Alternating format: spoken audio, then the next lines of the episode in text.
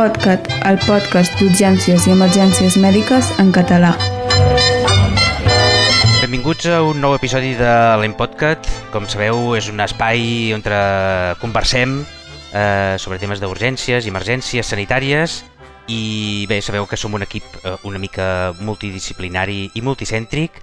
Normalment som eh, dos eh, professionals d'urgències que per un costat tenim uh, l'Albert Oms. Hola, Albert, què tal? Hola, bon dia.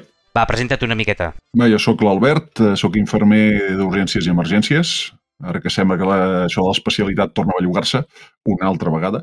En aquests moments treballo a l'Hospital Transfronterer de Cerdanya i a l'Unitat SEM del territori i tinc un blog que és emermetpirineus.cat. També estic per el mateix nom a Twitter i a mastodon.cat. Pues, eh, jo sóc en Xavi Basurto i tenim un blog que és el urgem.cat i bàsicament ens podeu, si us interessa, doncs això, a través del blog o a través del Twitter, que és arroba urgemcat, doncs allà anem publicant coses que ens semblen interessants i que, que, ens, que ens agrada difondre. El tema de l'especialitat d'urgències, no sé com està, eh? però ara, com que hi han de tornar a haver-hi eleccions i hi haurà canvis de, del govern d'Espanya, eh, no sé si això canviarà o no. Jo, fins que no surti la primera promoció, no m'ho creuré. Ja. De fet, si contéssim des de que van començar a parlar d'això, la primera promoció ja gairebé s'estaria jubilant, eh? probablement, probablement. Però bueno, no sé, no, no, que no es perdi l'esperança. Bueno, avui, Albert, eh, em sembla que ens tenies un tema interessant per explicar-nos, és un tema que veiem cada dia i utilitzem cada dia. Penso que com a tal és important que sapiguem exactament què estem fent i va en relació al tema de la tensió arterial i què mesurem amb la tensió, com ho mesurem i si realment ens en podem fiar o no ens en podem fiar. Va d'això, Albert, el que ens vols explicar o què? Correcte.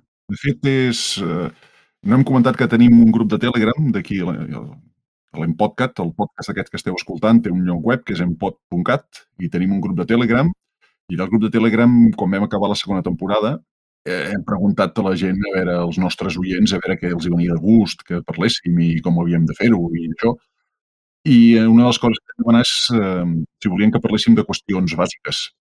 Doncs bé, aquest és el primer.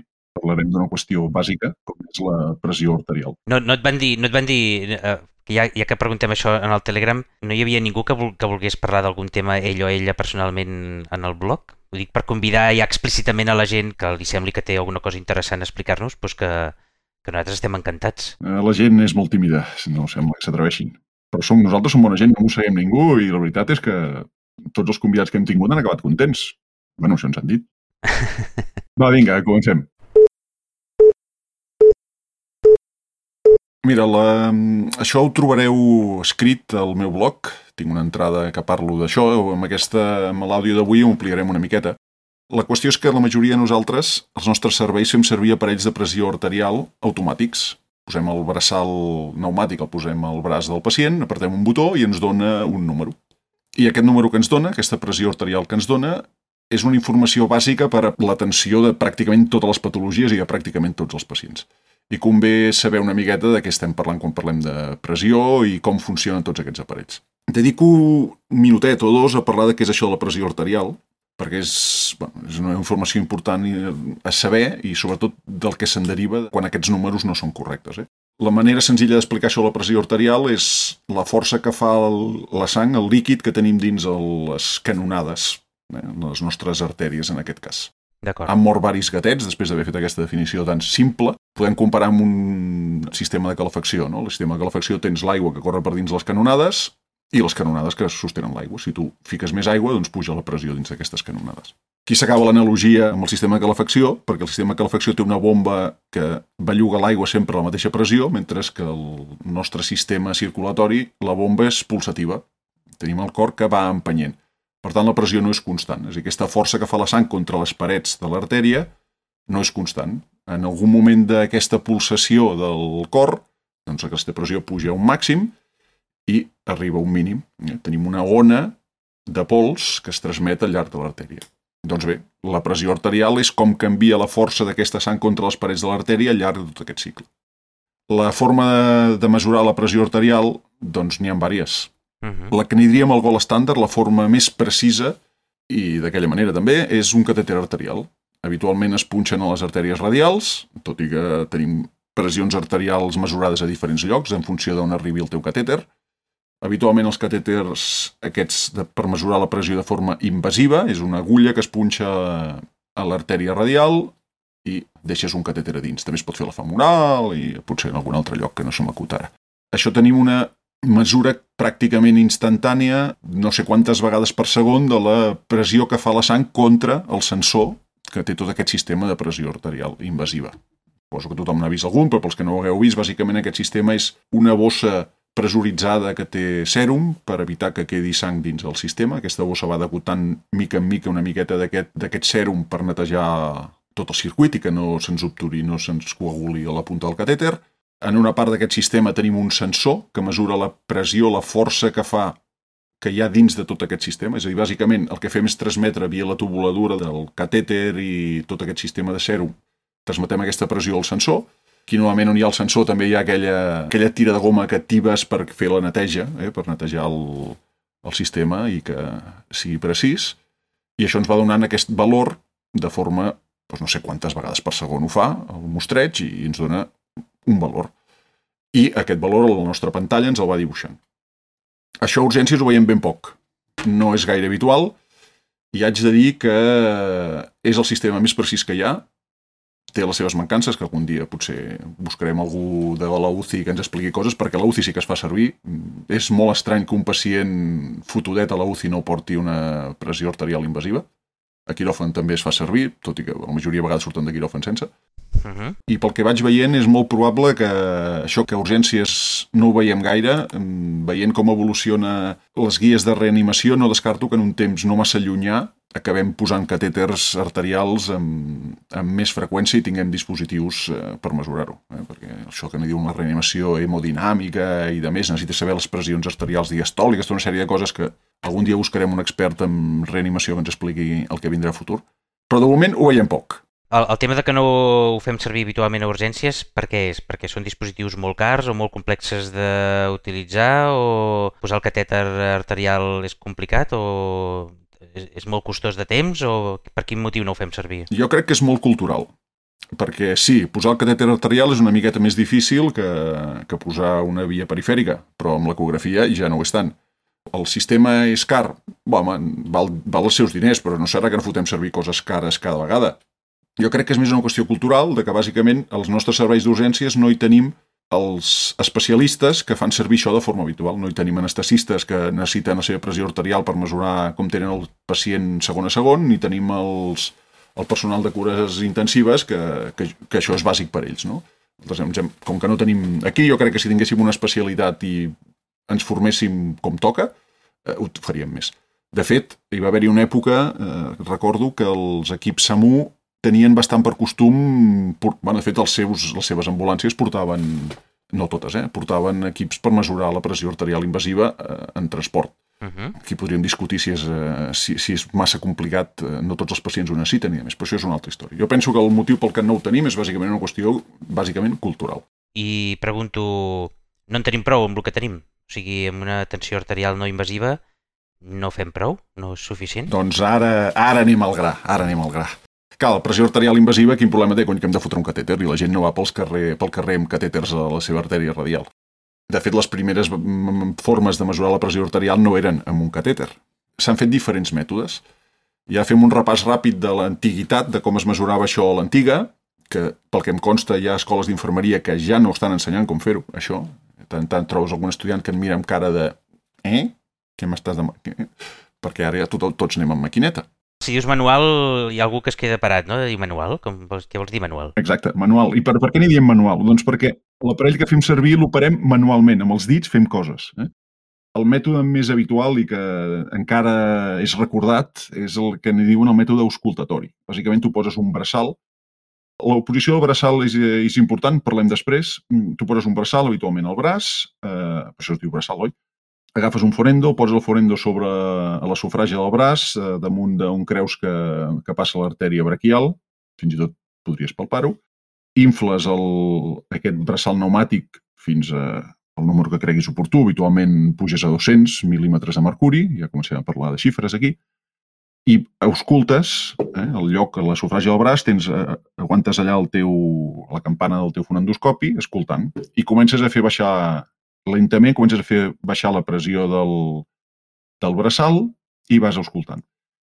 I en algun moment se sent un soroll.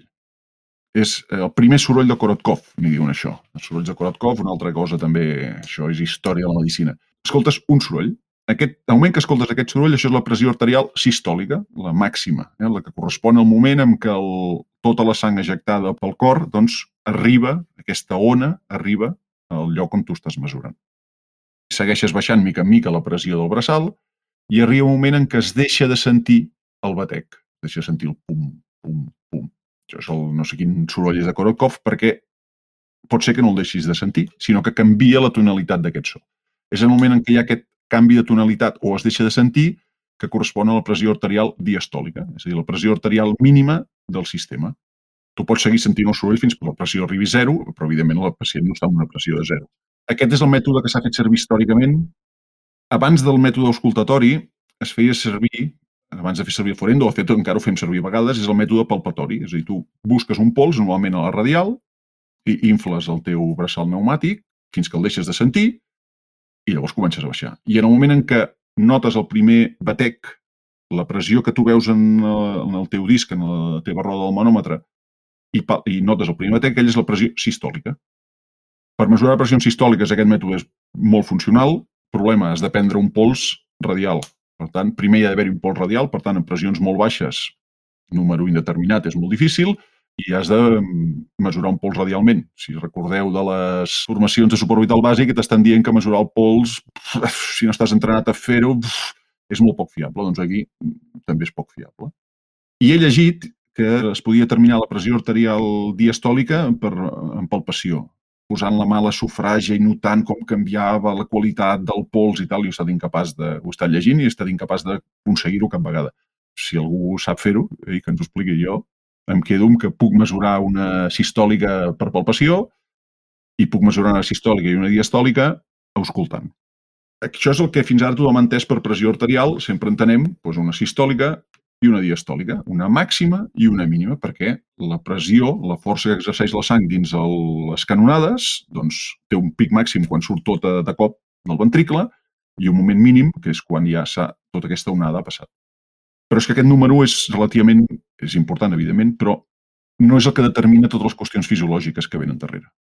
Hi ha un número que és important en fisiologia, que és la pressió arterial mitjana. Per, per què és important? És important perquè és el que et, et determina fins on arribarà aquesta sang. És quina força tindrà aquesta sang quan arribi als teixits. Ara, ara han mort no tres gatets, ara han mort sis, després d'aquesta explicació tan simple també. Aquest número ve determinat per la quantitat, aquí ara faré matemàtiques difícils, eh? va, seguiu-me, seguiu-me. Us en recordeu que us he parlat de la pressió arterial invasiva que dibuixa, que tenim una pressió arterial al llarg del temps, se'ns dibuixa una ona. D'acord? Aquesta ona habitualment té una pujada molt vertical, eh, amb una pendent, amb un ampit molt dret, una baixada que ja no és tan dreta, de fet estem més temps, estem dues vegades en diàstole, és a dir, que omplint-se els ventricles, que, que en sístole, que és quan el ventricle es buida. Doncs en, la, en la sístole, és el moment que el ventricle es buida, l'ampit és molt dret, puja molt de pressa, però la diàstole, eh, la baixada, és més lenta. I força sovint ens trobem que a mitja baixada, a una certa distància del pic màxim, hi ha una petita pujadeta, eh, això n'hi diuen la ona dicròtica, em sembla, que correspon al moment en què es tenquen les vàlvules i llavors acaba de baixar fins al mínim, que és la pressió diastòlica. Sí? Tenim al cap aquesta muntanyeta dibuixada? Doncs bé, la línia que separa la mateixa quantitat de superfície sota aquesta corba, és a dir, sota, si agaféssim la muntanya, partiríem la meitat per dir hi ha mitja muntanya a baix, mitja muntanya a dalt, però no amb alçada, sinó amb superfície total. Una miqueta complicat d'entendre, al meu blog hi ha el dibuixet que ho explica, que és aquí es veu molt més clar. És a dir, no és agafar la mitjana aritmètica, dir si tinc 100 i 50, doncs és 75. No. Hi han fórmules per calcular-ho en base a, la, a saber la pressió sistòlica i la diastòlica, N'hi ha vàries. La que fem servir la majoria de, de nosaltres és la que agafa la sistòlica, suma dues vegades la diastòlica i ho divideix a tres. No és del tot perfecte, hi ha algunes correccions, però és la que fem servir tots perquè és la més senzilla. És a dir, aquesta que hem dit de 100 de sistòlica, 50 de diastòlica, que si fem la mitjana aritmètica és 75, doncs aquí seria 100 eh, de sistòlica 50 diastòlica més 50 diastòlica, això són 200, ho divideixo a 3 i em surt 60, a veure, deixa'm comptar, 66,6 període. D'acord? Si tinc una pressió arterial mitjana de 66. Sí, és la fórmula que tenim per calcular-ho, tenint una sistòlica i una diastòlica. D'acord? Aquesta és la pressió en molts processos fisiològics és important. Una de les coses que, si mai algun dia parlem de traumatisme cranoencefàlic, doncs una de les qüestions fisiològiques importants és la pressió de perfusió cerebral, que és agafar la pressió arterial mitjana, aquesta que acabem d'explicar ara, i restar-li la, la pressió intracraneal. I llavors saps quin diferencial de pressió eh, arribarà a la sang allà per poder difondre el seu oxigen. Vale. Eh, hem introduït aquí el concepte important, pressió arterial mitjana. Aquest és el número que segurament hauríem de fer servir sempre més que la pressió arterial sistòlica més que la pressió arterial diastòlica. I aquest número, durant molts anys, no es feia servir perquè l'havies de calcular respecte a com ho mesuraves. I no sé, l'exemple típic d'això és la persona que està a 100 de sistòlica i a 35 de diastòlica. Va, fem 90 i 35, va, que potser és més creïble. No? Aquesta persona té una pressió, tu ets el 90 i dius, home, està una miqueta justa, eh? Però el 35 t'està dient que la cosa va de mal borràs. Tens una pressió arterial mitjana força baixa no l'he comptat, però no el podríem comptar, no? 90 i 70 són 160 partit a 3, són 50 i pocs. És una pressió arterial mitjana per sota de 65, que és un número que fem servir de referència. Pressions arterials per sota de 65 tindrem algunes zones hipoperfoses, pressions arterials per sobre de 65, tot el cos està relativament ben perfós. Jo, Albert, normalment faig servir una aplicació en el mòbil que és el MD Calc i en aquest també, com, com a moltes, hi ha doncs, eines que són fórmules i me diu, ells fan servir, que no sé si és exactament el que ens dius tu, que és el, la pressió arterial mitjana, ell diu que és la suma de les, la sistòlica dividit per 3 més la diastòlica multiplicat per 2 i dividit per 3. I si tot això ho multipliques per 3, et dona que una sistòlica més dues diastòliques partit a 3.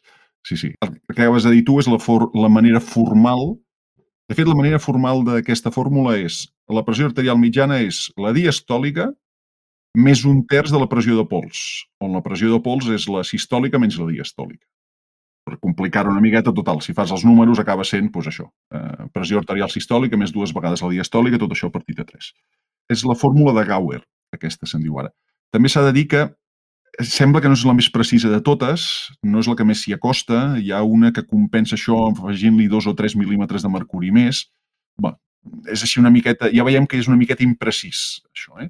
De totes maneres, suposo que ens podem refiar, no? Si tens un pacient monitorat i se li va mirar la tensió arterial, el mateix aparell ja te va dient la tensió arterial mitjana que, Vull dir que amb això ja ens podem refiar, no? No cal que anem fent càlculs eh, matemàtics eh, mig de la guàrdia. No has de fer els càlculs, la màquina te'ls dona. I, de fet, i aquí és el motiu de l'entrada, eh, les màquines automàtiques de mesurar la pressió no fan res de tot el que hem explicat fins ara. Ni registren, evidentment, l'impuls directe de pressió, directe contra la, de la sang contra el sensor, perquè, evidentment, no són invasius, ni mesuren la pressió màxima ni mesuren la pressió mínima. D'acord? El que fan aquestes màquines és posem el braçal, puja i baixa la pressió, el que estan mesurant contínuament és com oscil·la aquesta pressió que ells tenen en aquell moment, com va oscil·lant respecte al temps. És a dir, quan la sang en el moment de sístole passa per dins el braç, es produeix un, un augment de volum del braç. Imagineu-vos el que estem parlant. Una artèria braquial, per exemple, doncs que deu mesurar, no, no arribarà pas al centímetre de diàmetre ni de bon tros. Doncs quan ve la sístole, aquests pocs mil·límetres que es dilata l'artèria augmenten uns, una misèria el volum del braç. Quan augmenta aquest volum del braç, el nostre braçal detecta aquest augment de volum amb un augment de pressió. I a la maquineta nostra el que detecta és com va oscil·lant aquesta pressió, que no és lineal, és dir, va pujant i baixant, és a dir, fa un mostreig durant el temps i va veient com la pressió que ell té assignada va fent unes petites oscil·lacions. D'acord? Una vibració. Doncs el moment de màxima amplitud d'aquesta oscil·lació és el moment de pressió arterial mitjana. La nostra màquina que fa? Puja una pressió màxima on no detecta cap oscil·lació perquè la pressió és tan alta que la pressió arterial és incapaç de, de travessar i va baixant mica en mica, mica, mica, mica, mica. Cada vegada, al ser la pressió més baixa, la pressió arterial va compensant i arriba un moment en què ja travessa tota la llargada del braç cada batec anirà fent oscil·lar lleugerament aquest sensor de la, del braçal fins que arribarà un moment que deixarà d'oscil·lar perquè ja tota la sang passarà lliurement perquè no hi ha cap obstrucció. Doncs el moment de màxima oscil·lació d'aquesta petitíssima oscil·lació és la pressió arterial mitjana. És a dir, realment el que està mesurant la màquina automàtica és la pressió arterial mitjana. No ens mesura ni una sistòlica ni una diastòlica. Però, en canvi, quan mirem el nostre monitor, doncs et sortirà una sistòlica, una diastòlica en gran i després allà, entremig d'uns parèntesis, un numeret, que és la pressió arterial mitjana. Doncs la pressió arterial mitjana és el que ha mesurat el nostre aparell. D'on treu la sistòlica i la diastòlica? Doncs se les inventa. En base a algoritmes que, que ha fet el fabricant, doncs eh, agafa i diu, doncs mira, per una arterial mitjana de 50 li correspon una diastòlica de 50 i una sistòlica de 100. M'he inventat els números, no, no els he calculat ara mateix. No? Que realment el número que ens està donant de, de sistòlica i diastòlica és, no diré que inventat, perquè evidentment s'han fet càlculs, però és un número calculat, no és un número mesurat. El que és mesurat és la pressió arterial mitjana. Això, com que parlem de magnituds de números que no són molt grans, doncs tampoc és una cosa especialment rellevant. Però, és clar, si nosaltres decidim que a una persona li hem de posar noradrenalina perquè està a 64 de pressió arterial mitjana o està, bueno, és igual, perquè està a 59 de pressió arterial mitjana i a 60 no decidiríem posar-li, conyo, és només un, eh? Compte amb això. Sí, hi ha indicacions que sí que et refies de la, de la sistòlica o de la diastòlica puntual més que de la, de la mitjana, no? Per exemple, si tens una emergència hipertensiva, doncs millor depèn de quines xifres de tensió sistòlica o diastòlica li posaràs no sé, un labetalol endovenós o no li posaràs, no, no, no tant de la, de la mitjana. I aquí en aquest cas, la sistòlica en aquest cas és inventada, calculada, perdó. Què passa amb això? Que es van servir algoritmes, o sigui, això no s'ha no, no ha agafat un tio, s'ha llapat el dit i allà mirant amb un ull tapat ha dit tant.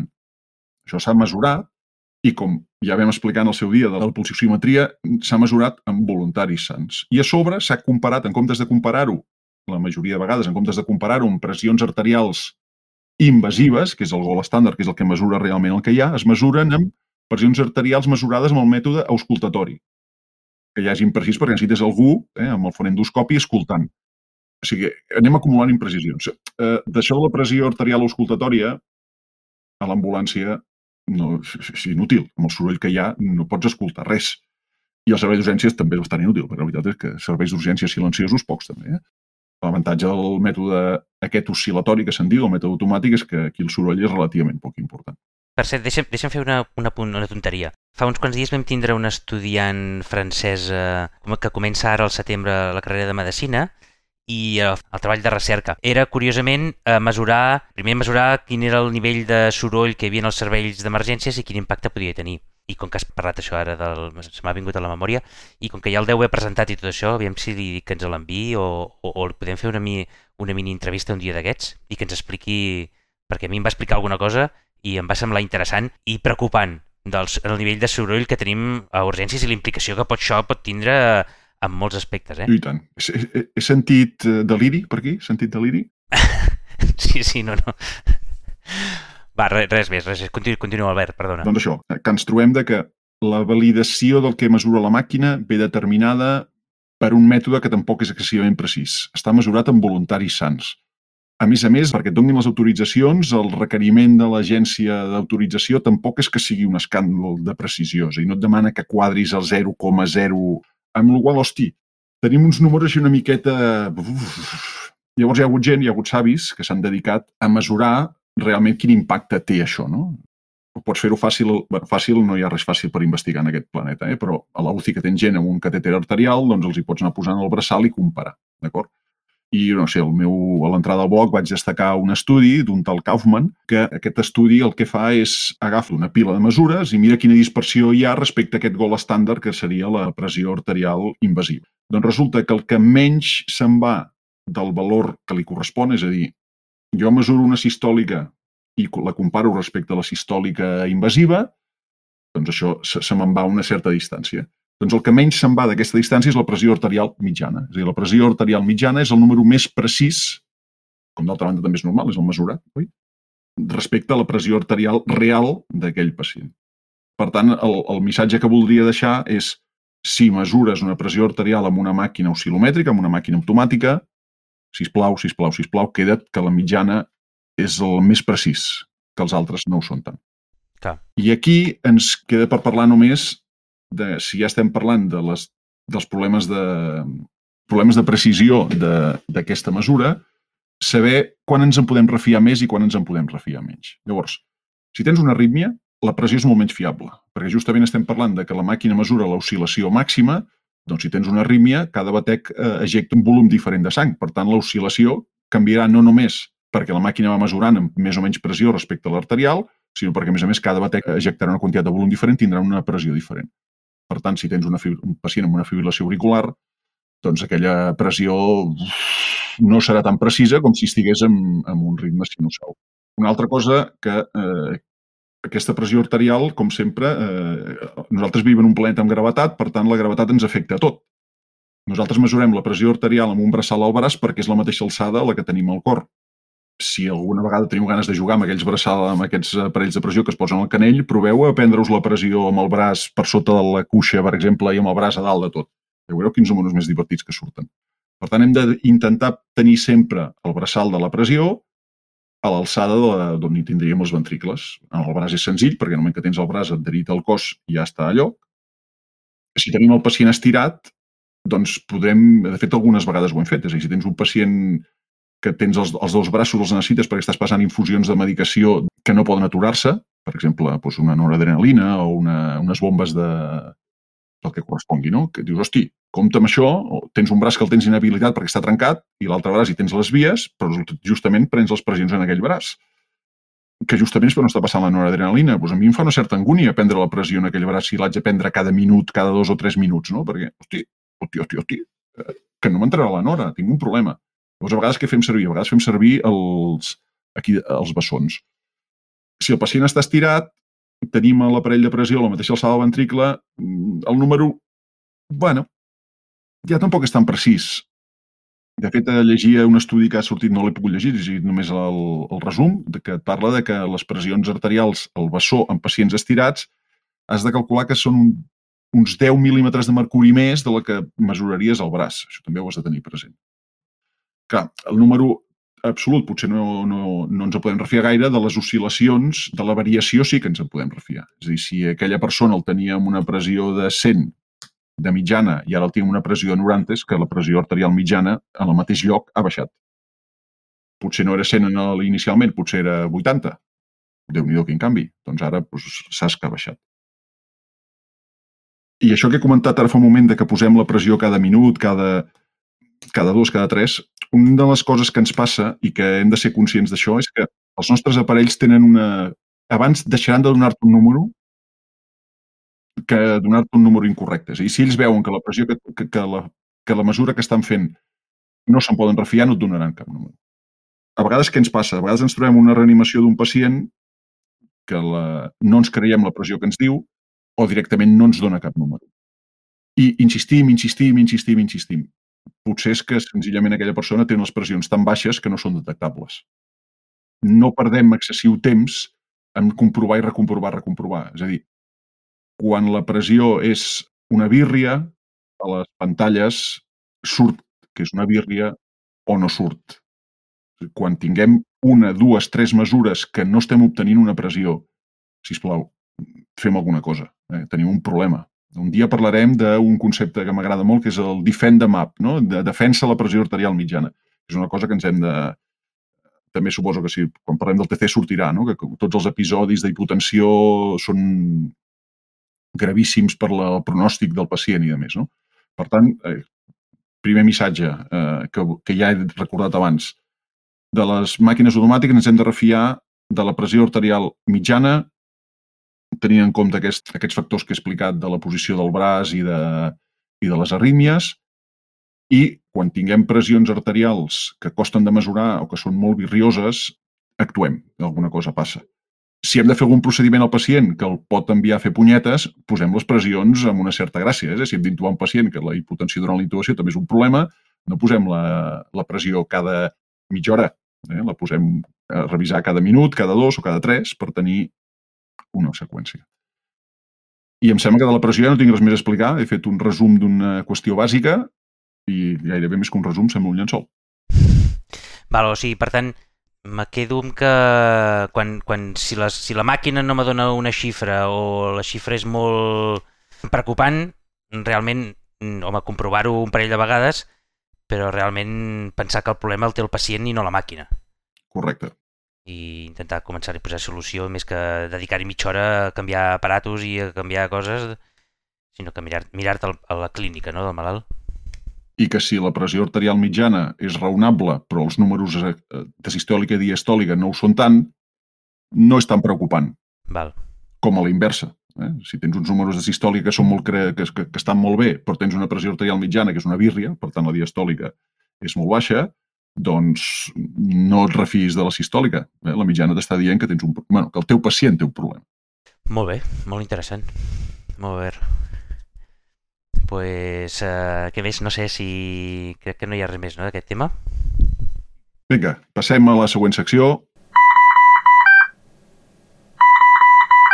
Avui, a l'episodi d'avui, volia parlar d'un Essential del juny del 2021 i que parla sobre de la urgència hipertensiva i del seu tractament.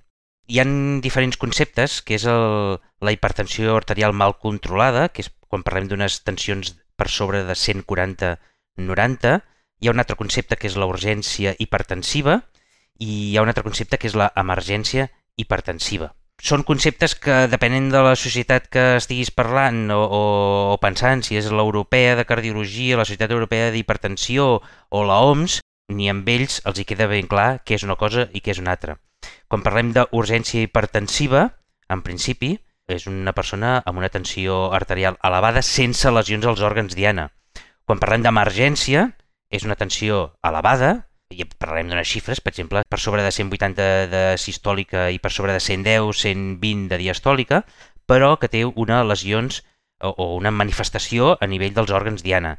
Digue-li el cervell, digue-li els ulls, digue-li el cor, digue-li els ronyons o artèries centrals o perifèriques. Problemes amb gent que ens venen als serveis d'urgències amb crisis hipertensives, digue-li urgències o emergències, és igual, gent amb, amb tensions arterials per sobre de 180 i 110, 120 de diastòlica, en tenim moltes, en tenim com, no sé, com a mínim, almenys al nostre servei on jo treballo, una cada dia, perquè és una de cada 200 visites a urgències són gent que consulten per això. Però només una, una meitat o dos terços són gent que no tenen cap eh, manifestació de lesions dels òrgans diana. Per tant, moltes societats d'aquestes, l'europees i l'OMS i tal, discuteixen si realment el concepte de crisi hipertensiva ha quedat obsolet o no, i hauríem de parlar senzillament d'emergència de, o no emergència, perquè veuen que les urgències hipertensives, la persona que té una tensió elevada, de 180 o 200 de diastòlic, de sistòlica, sense lesions dels òrgans diana, la veritat és que aquesta gent a curt termini no té cap problema. Vull dir, no, no, no li passarà res ni avui, ni demà, ni demà passat, ni els pròxims dies. Per tant, és una persona que té la tensió mal controlada i punt, no, no, no s'ha de fer especialment cap cosa més, sinó que senzillament et recomanen doncs, que si ve una persona a urgències amb aquestes característiques, facis un repòs, deixis un, un rato descansant, l'estiris, un ambient tranquil, tranquil·litzes el pacient i tornes a fer una altra avaluació. En cas de que millor estigui doncs, continuï amb les tensions molt altes, normalment és, que és perquè eh, el seu tractament de base de la hipertensió doncs no el fa bé o ha fet una transgressió dietètica o el que sigui i per tant s'ha de modificar una miqueta això, però normalment o en gairebé en cap cas amb aquest tipus de pacients que tenen una urgència hipertensiva, és a dir, que no tenen lesions als òrgans, manifestació d'una afectació dels òrgans diana, no s'ha de fer ni tractament endovenós eh, antihipertensiu, ni molt menys intentar baixar la tensió especialment. Per tant, aquesta recomanació de l'Essential, elaborada a través de la Societat Catalana de Medicina de Família i Comunitària i amb els, la Societat Catalana de Cardiologia, de la Hipertensió, Societat Catalana d'Hipertensió, de Farmàcia Clínica i altres societats, doncs te recomanen que davant d'una crisi hipertensiva realment veure si és una urgència o és una emergència. Si és una urgència, és a dir, que no té lesions als òrgans diana, doncs eh, tranquil·litat, repòs, tornar a mirar l'atenció al cap d'una estona i mai fer tractament endovenós i repassar doncs, l'adherència que tingui del tractament i en, en alguns casos veure si necessita algun tractament via oral o reajustar el que estigui fent. I això és tot d'aquesta recomanació de l'essència. Aquí és feina del metge de capçalera els que en tenen, perquè cada vegada és més difícil trobar-ne de metges de capçalera. Sí, de fet te recomanen, que si no vaig equivocat, ells te recomanen que en un període de 7 dies el pacient vagi en el metge de família i que ell decideixi doncs, no, si ajustar el medicament de antihipertensiu que està prenent o canviar-li o afegir-li un altre. Tal. Això en el pacient que té una urgència hipertensiva. És a dir, el que et ve urgències amb unes sistòliques de més de 180 o amb una diastòlica de més de 110, 120, però que no té afectació dels òrgans diana. Doncs bé, nosaltres d'aquests ens veiem, en veiem bastants. I en veiem bastants perquè al meu territori hi ha molt turista que ve de zones properes a la costa, que és on viu la majoria de la gent, i ve fer el turista i puja els mil, més de mil metres que estem la, la vall, però també a vegades se'n va més amunt. I sembla, això dic sembla perquè no sóc expert en el tema, sembla que això té afectacions amb la pressió arterial dels individus. És a dir, si canvien d'alçada els hi puja la pressió. I ens venen a veure sovint perquè tenen pressions altes, amb més o menys sintomatologia, habitualment mal de cap, i au, ja els tens allà i vinga, estira'ls, tingue'ls una estona i eh, explica'ls mitja vida i miracles i de tant en tant algun captopril cau per allà perquè una pressió de 18 no poden marxar amb una pressió de 18 que fa molt lleig. Millor no, millor no opino sobre, què, eh, sobre les pressions de 18 si fan lleig o no. Sí, sí, el que, el que està clar és que eh, el que ens diuen és que a curt termini, és a dir, els pròxims dies o setmanes, tenen el mateix pronòstic que una persona que tingui una tensió mal controlada, és a dir, una tensió de, no sé, unes històriques de 150-90 o 140-90 i que va, fa, fa la seva vida normal. A curt termini no li, no li passarà res. Per tant, no li has de fer res especialment, senzillament que dir-li vagi vostè al, al seu metge en els pròxims dies, procuri menjar sense sal i si pren el medicament que li han receptat per la hipertensió, doncs prengui-se'l bé i, i de la manera que li han dit. I amb això n'hi hauria d'haver-hi prou. Molt bé, molt bé. Pues no cal fer segons quines coses amb segons quines pressions. Almenys de forma sistemàtica. No? Després valores cada cas particular, però sí que de forma sistemàtica no s'ha de tractar a tot el pacient que ve amb, unes, amb una tensió elevada. Doncs va, anem a la següent, anem a l'urgent mot, la secció lletra ferida de l'Empodcat. Mira, començo jo. Tens alguna llista, tu, o tens alguna recomanació, alguna cosa? No, no, no. Vinc a fer penitència perquè he estat, he estat transcrivint l'episodi anterior i haig de fer una fe de rates perquè anava transcrivint i a mesura que anava transcrivint em, posava, em posaven els pèls de punta per de les moltes bestieses que diem malament, algunes, algunes són de l'urgent mot. Mira, una molt tonta. Vam parlar, si us en recordeu, parlàvem de l'hemorràgia exsanguinant i en algun moment vam parlar de, del sagnat així poc exsanguinant però molt emprenyador de la polpa del dit. És la part aquesta al final dels dits, el que repengem quan apretem amb el dit alguna cosa. Eh, ni hem dit polpell, ni hem dit pulpís, però no es diu polpa del dit. Eh? Això surt als Urgent Mots de la pàgina de l'Urgent Cat, cortesia d'en Xavi. Per tant, polpell del dit, no, polpa del dit.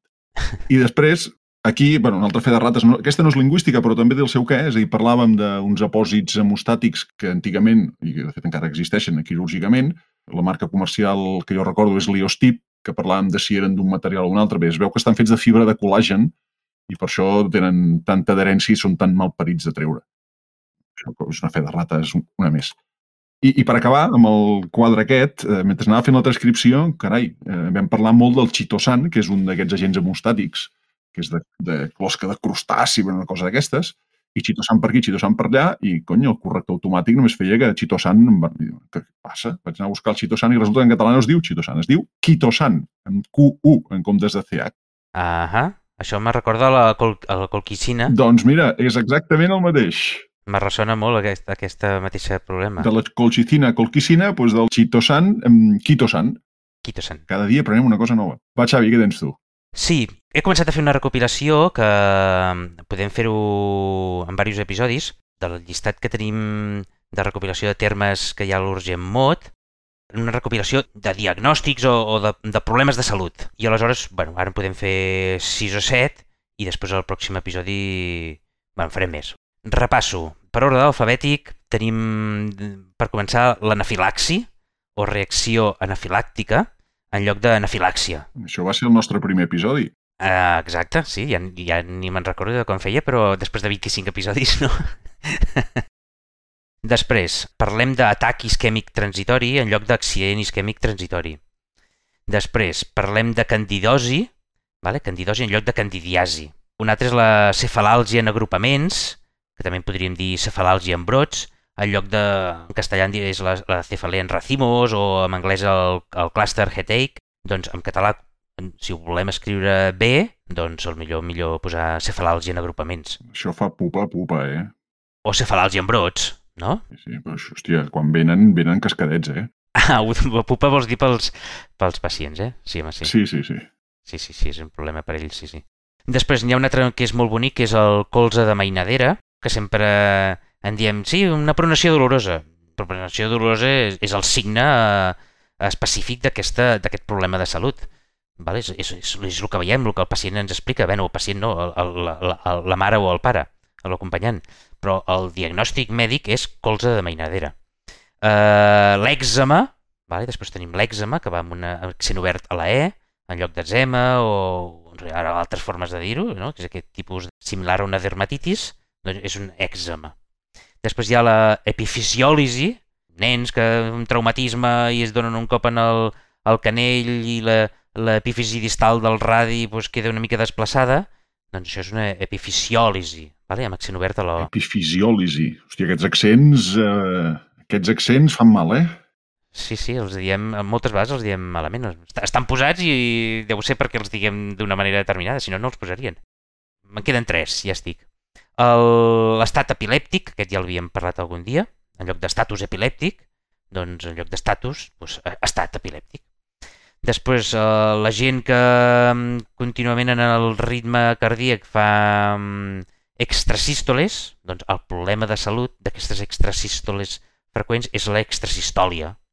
I després podríem dir, en lloc de fallo multiorgànic, correctament hauríem de parlar d'una síndrome de disfunció multiorgànica o un fracàs multiorgànic. Vale? Però intentem evitar parlar del tema de fallo multiorgànic. I ja està, el pròxim dia en farem unes quantes més i així ens acabarem de repassar doncs, tots els problemes o diagnòstics de la gent que ve a urgències. Molt bé. Escolta, per, per, acabar, per acabar la secció, si recordeu de l'episodi 24, els últims episodis havíem posat eh, una juguesca, perquè el grup de Telegram de tant en tant posem juguesques amb els urgent mots, és a dir, posem la definició i que la gent triï de les diverses opcions que se'ls dona quin és el, el mot correcte, la forma correcta d'expressar-lo. Bé, això, com heu anat veient, és un rotllo al final per nosaltres aquí l'episodi, perquè sempre ens en descuidem, Total, que hem decidit que no farem més, que qui tingui interès a fer la juguesca a l'Urgent Mod, doncs que s'apunti al grup de Telegram, que allà de tant en tant surten i, i fem les nostres rialles. Però sí que hauríem de donar la resposta del, del, de l'episodi anterior. El, el mot que, que volíem, la definició del mot era cadascuna de les ramificacions dels bronquis terminals que connecten amb els conductes alveolars tenen les parets més fines i absència de cartílag, presenten pocs cilis i no estan del tot recoberts per mucosa. En català correcte això és un bronquíol, eh? està accentuada la I. Igual que hi havia l'alvèol, doncs també hi ha el bronquíol. Queda resolta la, la, la juguesca l'urgent mot de l'episodi 24 i a partir d'ara qui vulgui jugar, doncs que s'apunti a Telegram i a, i a jugar. Molt bé. Què més? Uh, hauríem de parlar de les... Uh, recomana alguna recomanació? Sí, sí, les recomanacions, que es veu que quan hem preguntat quines seccions havíem de mantenir, les recomanacions, tothom en vol més. Doncs vinga, anem per les nostres d'aquest episodi.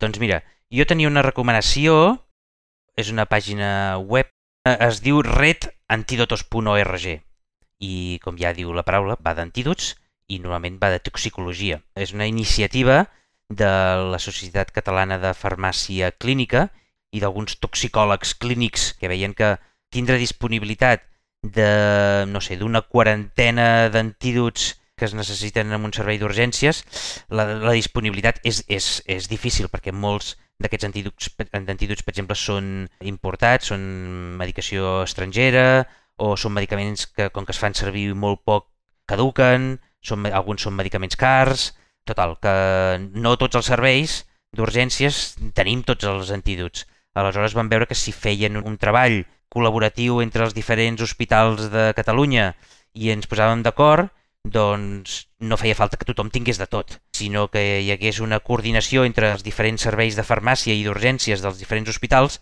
i en cas de que jo tingués necessitat d'utilitzar algun antídot, ràpidament sapiguer a qui trucar amb quin servei de farmàcia contactar i ja tindrà un servei de transport eh, programat i que al cap de poca estona doncs, m'arribi l'antídot que està a Puigcerdà, doncs, que m'arribi a Figueres, a Girona, on sigui, doncs, amb un temps eh, prudencial.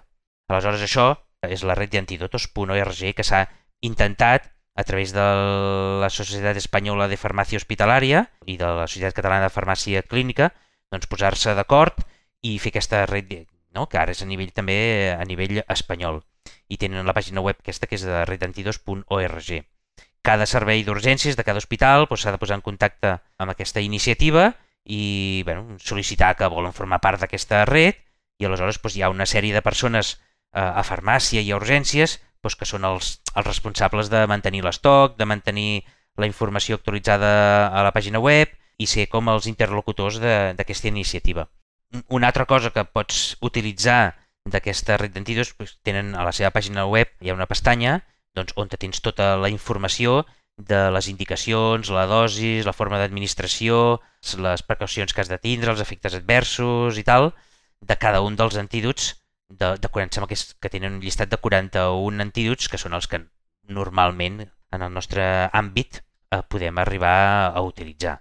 Per tant, si busqueu informació o teniu dubtes de com utilitzar qualsevol tipus d'antídot, en aquí en aquesta red d'antídotos.org, com a consulta, també és un, és un lloc molt vàlid. També tenen un altre servei i és per consultes no urgents. És a dir, si hi ha alguna cosa que us preocupa o que vulgueu millorar del vostre si esteu fent els protocols de, del vostre servei i teniu dubtes o, o teniu un dubte científic de dir, ostres, això tenim dubtes de com s'ha de fer, doncs tenen una, un correu electrònic i aleshores doncs, tu els hi envies, lògicament no és mai urgent, us escoltaran i com que hi ha toxicòlegs i hi ha farmacèutics i tal, doncs us, us contesten i us, us donen resposta als vostres dubtes científics o clínics. I això és el que us volia... que coneixia que existia el rei d'antídots i volia compartir amb vosaltres. Molt interessant, eh? Fa un temps vam fer un protocol d'intoxicacions al meu centre, vam contactar amb la, amb la gent de la SOC Moetox, que són alguns dels que estan darrere de, de la red d'antídots, són molt bona gent, professionals excel·lents, eh, gent molt agradable.